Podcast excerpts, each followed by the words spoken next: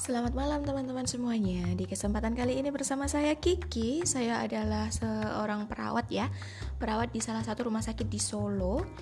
Uh, di bagian instalasi gawat darurat yang di sini menarik sekali untuk saya bahas malam ini karena banyak sekali pertanyaan yang masuk. Kak, gimana sih sistem penanganan pasien di IGD itu? Kok saya di IGD lama banget ya, nggak segera ditanganin, kok nggak diprioritasin? Loh, saya itu datang lebih awal, tapi kenapa kok yang belakangan malah segera ditangani gitu ya? Nah, perlu teman-teman ketahui ya, untuk sistem penanganan di IGD itu bukan berdasarkan urutan datang pasiennya, tetapi berdasarkan tingkat kegawatan pasien. Loh, kegawatan seperti apa kak maksudnya gitu?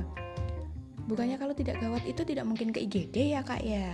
Nah, iya benar, tapi dalam dunia medis itu ada sebuah cara yang memang digunakan untuk menilai tingkat kegawatan seseorang. Nah, sistem apa itu? Namanya adalah sistem triase atau penggolongan pasien berdasarkan tingkat kegawatan untuk menentukan prioritas penanganan. Jadi, di IGD itu ada satu petugas triase yang dia itu memang sudah dilatih dan sudah punya sertifikat triase atau sertifikat untuk menggolongkan tingkat kegawatan pasien yang datang. Siapa yang melakukan, Kak? Yang melakukan triase itu adalah petugas kesehatan, bukan pasiennya yang menentukan, "Kak, saya ini gawat, Kak, saya ini darurat, Kak, ini sakit, Kak, ini saya harus segera ditangani." Bukan. Jadi, yang berhak untuk menentukan kamu harus segera ditangani atau tidak itu adalah petugas triasenya yang dia akan berkoordinasi dengan dokter mana pasien yang terlebih dahulu harus diperiksa atau ditangani begitu.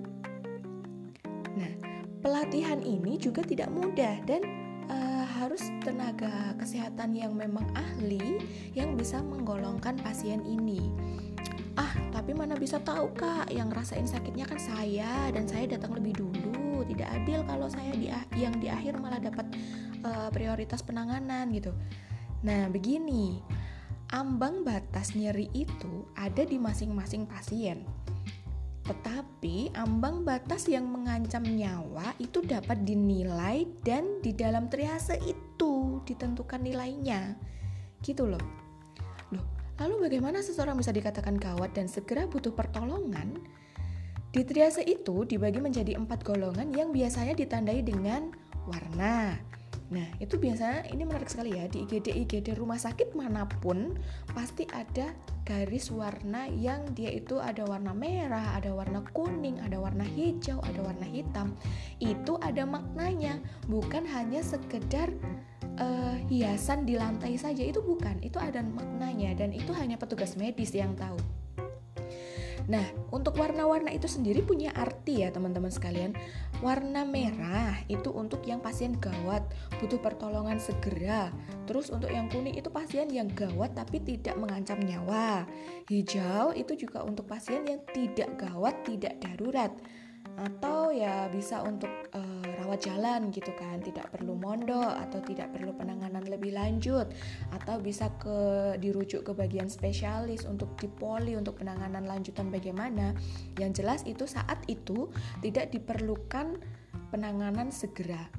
Nah, satu lagi itu adalah warna hitam, yaitu pasien yang datang tapi sudah meninggal dunia atau EKG flat atau tidak ada nafas, tidak ada nadi yang pupilnya sudah membesar atau ada tanda-tanda kematian itu sudah masuk ke ke hitam, sorry. Nah, selain warna, ada juga dengan sistem ATS atau Australasia Triage System. Nah, ini triase ini yang paling banyak digunakan di rumah sakit di Indonesia menurut saya dan salah satunya adalah rumah sakit saya sendiri atau rumah sakit tempat saya bekerja itu juga menggunakan triase dengan metode ATS ini. Karena ini sangat mudah dan simpel sekali ya, karena ini uh, menggunakan angka.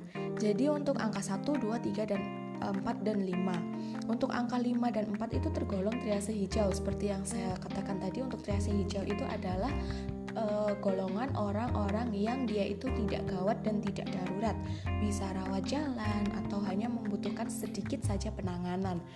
Untuk yang triase nomor 5 itu disebutnya adalah false emergency atau pasien yang datang dalam kondisi tidak gawat, tidak darurat dengan keluhan ringan dan tidak ada kemungkinan menderita penyakit atau mempunyai riwayat penyakit yang serius.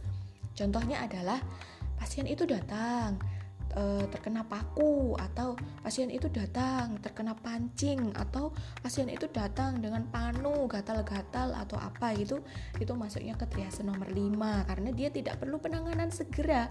Ya mungkin itu perlu dicabut pakunya atau dibersihkan lukanya tapi itu tidak segera dilakukan pun tidak mengancam nyawa begitu Nah, untuk yang nomor 4 sendiri itu adalah non-urgent atau pasien yang datang dalam kondisi tidak gawat, tidak darurat dengan keluhan ringan sampai sedang. Ini perlu digarisbawahi ya, dengan keluhan ringan sampai sedang, tetapi mempunyai kemungkinan atau punya riwayat penyakit serius yang harus ditangani dalam waktu batasnya itu adalah 60 menit. Bayangkan, kalian datang baru antri 10 menit itu udah marah-marah padahal kalian itu ATS-nya golongan nomor 4. Nah, padahal ATS nomor 4 itu adalah waktu maksimalnya itu 60 menit di mana tenaga kesehatan itu mempunyai waktu batas maksimal 60 menit untuk menangani kalian gitu loh. Kalian datang ke IGD dengan keluhan batuk, panas, pilek baru satu hari. Nah, itu kan sebenarnya tidak gawat dan tidak darurat. Pun jikalau jenengan tidak datang ke IGD, itu bisa dilakukan dengan periksa ke poliklinik untuk mendapatkan obat rawat jalan atau e, periksa ke dokter umum atau periksa ke puskesmas. Tidak perlu ke rumah sakit, jadi memang harus ditangani di vaskes yang lebih kecil dulu juga bisa gitu loh, atau ke bidan desa misalnya, atau vaskes-vaskes terdekat begitu. Nah itu namanya non urgent ya atau eh, tidak gawat dan tidak darurat tetapi masih di atas level nomor 5 gitu. Yang dengan kriteria dia punya penyakit bawaan atau dia punya riwayat sakit misal hipertensi terus misal lagi apa ya gula darah yang tinggi gitu Nah, nomor tiga itu adalah pasien urgent atau pasien yang datang dengan keadaan darurat tetapi tidak gawat yang harus ditangani dalam waktu maksimal itu 30 menit. Contohnya adalah HT emergency, HT urgency. Yang itu tuh dia punya riwayat penyakit darah tinggi terus datang dengan keluhan pusing, mual atau bahkan ada sedikit merot gitu ya, ada tanda-tanda CVA atau tanda-tanda stroke dan dia itu tensinya lebih dari 200 atau tensinya itu lebih dari 180 yang dia itu mengancam kematian organ. Itu masuknya masih di triase nomor 3 dan itu tuh ditangani maksimal waktunya adalah 30 menit. Jadi kalau kalian baru datang dengan keluhan seperti ini, terus kok ini gimana sih kok perawatnya kok nggak cekatan ya gini gini gini enggak. Itu kalian datang sudah di triase, sudah ditensi, sudah ditanyakan keluhannya, sudah di uh, kaji lebih lanjut, sudah dinilai batas ambang nyerinya. Itu sebenarnya sudah melalui proses triase atau pembagian kegawat daruratan gitu. Kalau kalian masuk di nomor tiga ini, maka uh, kalian tidak berhak marah jika dokter memeriksa kalian atau mendahulukan pasien lain yang lebih gawat daripada kalian begitu. Nah, selanjutnya itu tadi nomor tiga, sekarang nomor dua itu adalah pasien emergency. Emergency itu adalah pasien yang datang dengan keadaan gawat darurat karena dapat mengakibatkan kerusakan organ permanen dan pasien harus ditangani dalam waktu maksimal 10 menit. Nah, ini perlu digarisbawahi ya. Maksimal 10 menit. Jadi ketika kalian datang terus kita nggak langsung wah ini kenapa ini segera dilakukan penanganan itu bukan berarti kita tidak care, bukan berarti kita tidak cekatan, tapi itu adalah penilaian dari triase bahwa kalian masuk ke kategori 2. Kategori 2 itu apa, Kak? Kategori 2 itu termasuk nyeri dada, saturasi di bawah 90, penurunan kesadaran, hipoglikemi atau kurang gula itu masuk ke triase nomor 2. Jadi itu masih ada waktu bagi nakes selama kurang lebih 10 menit dan tidak harus langsung ditangani meskipun kita prioritaskan. Nah, untuk yang pertama itu gimana kak? Yang pertama dan yang harus segera ditangani segera mungkin adalah pasien yang tergolong resusitasi atau triase nomor pertama TS1 nomor 1. Nah, Pasien yang seperti apa kak yang pasien nomor satu itu dan harus segera ditangani? Pasien yang datang dengan keadaan gawat darurat dan mengancam nyawa serta harus mendapatkan penanganan resusitasi segera. Contohnya pasien apa kak? Pasien jantung, serangan jantung, gagal nafas, henti jantung, cardiac arrest, shock perdarahan hebat, trauma kepala, terus kecelakaan sampai kepalanya pecah dan lain-lain sebagainya itu harus segera ditangani karena kalau tidak segera ditangani dalam waktu yang secepatnya atau kurang dari lima menit itu akan mengancam nyawa atau bisa menyebabkan kematian begitu ya teman-teman Kenapa kok saya sangat semangat sekali menjelaskan ini? Karena saya tuh gemes gitu loh ya. Karena banyak sekali komplain masuk, komplain tentang pelayanan di instalasi gawat darurat yang kebanyakan itu adalah perawat IGD itu lama, pelayanan di IGD lama. Kenapa sih saya nggak segera ditangani? Padahal saya sudah dua jam menunggunya dan lain-lain sebagainya.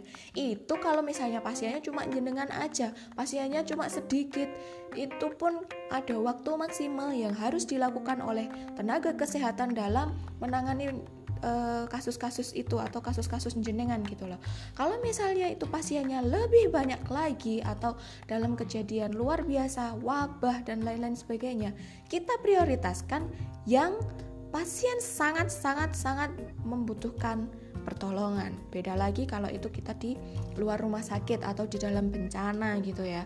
Yang pertama kali kita lakukan adalah menolong orang yang derajat hidupnya atau tingkat uh, kehidupannya itu tinggi. Misal, dalam keadaan bencana alam, terus ada gempa bumi atau gunung meletus, yang pertama kali kita evakuasi adalah pasien yang dia bisa mandiri atau berjalan sendiri, bisa di koordinasi lewat suara. Nah, itu. Tetapi kalau jika pasien yang dia itu untuk derajat sehatnya itu rendah atau kemungkinan hidupnya itu rendah, mungkin kita akan uh, evakuasi terakhir begitu karena fokus kita adalah menyelamatkan banyak nyawa. Kalau misalnya kita fokus ke pasien yang derajat atau tingkat tingkat kesembuhannya itu rendah, kita fokus ke situ, maka akan banyak nyawa yang tidak tertolong gitu. Jadi kayak kebalikan gitu ya, sistem di luar rumah sakit dan di dalam rumah sakit gitu. Uh, apalagi ya, banyak pertanyaan yang masuk itu ya seputaran itu sih. Oh iya, ini menyangkut organisasi ya. Biasanya kak saya ini bukan pakai BPJS, saya ini bukan pakai umum.